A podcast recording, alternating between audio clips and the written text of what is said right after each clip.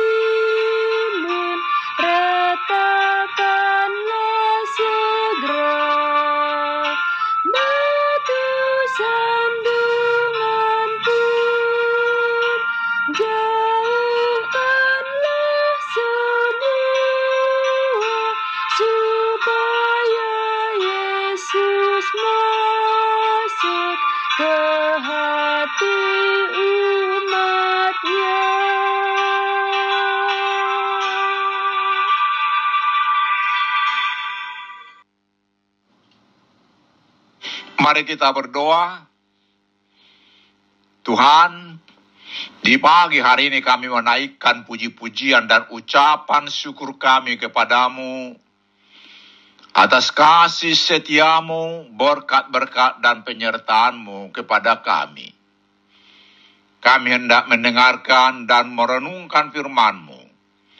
Ungkapkan kepada kami kebenaran firman-Mu dan tolong kami Tuhan melakukan firman-Mu dalam kehidupan kami.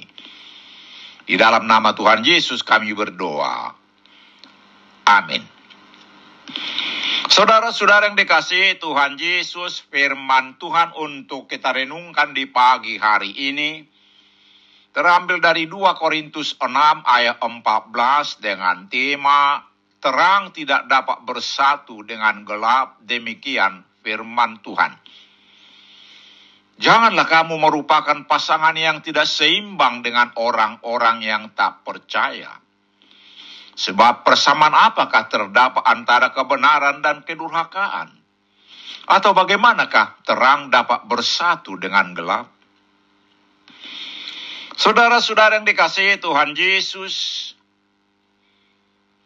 persekutuan orang percaya dengan Tuhan dan firman-Nya tidak sama dengan sistem kepercayaan agama lain. Karena itulah orang percaya tidak boleh menyatukan dirinya dengan orang lain yang menganut nilai yang berbeda dengan nilai kehidupan Kristiani. Karena orang yang tidak percaya adalah orang yang menolak Kristus sebagai juru selamat. Dalam terjemahan lain ayat ini dikatakan, janganlah mau menjadi sekutu orang-orang yang tidak percaya kepada Yesus.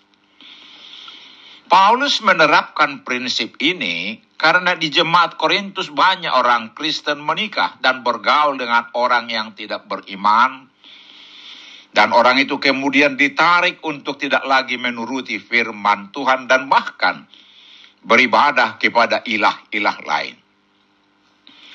Pernikahan dan pergaulan semacam ini sering kali melemahkan orang Kristen untuk tidak lagi setia akan imannya.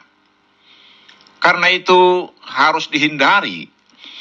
Orang percaya memiliki Kristus yang adalah terang dunia. Sehingga ketika terang datang maka gelap pastilah lenyap. Paulus bukan menganjurkan kesombongan rohani, bukan pula melarang orang percaya untuk bergaul dengan orang tidak percaya. 1 Korintus 5, 9 dan 10. Sebab orang percaya harus terus hidup dan berfungsi sebagai garam terang di dunia. Yang diajarkannya adalah orang-orang Kristen adalah ciptaan baru. 2 Korintus 5 ayat 17 sehingga secara rohani orang Kristen tidak boleh bersatu dengan orang yang belum percaya yang mati secara rohani. Efesus 2 ayat 1.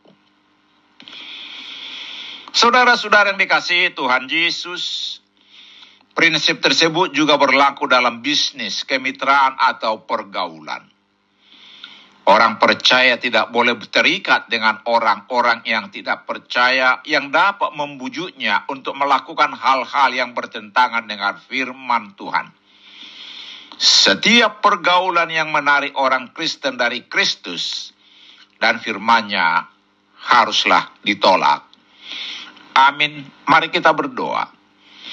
Ya Allah Bapa, Anak dan Roh Kudus, tuntun kami untuk hidup kudus dan tekun bersekutu dengan sesama orang percaya. Amin. Selamat beraktivitas hari ini. Tuhan Yesus memberkati kita.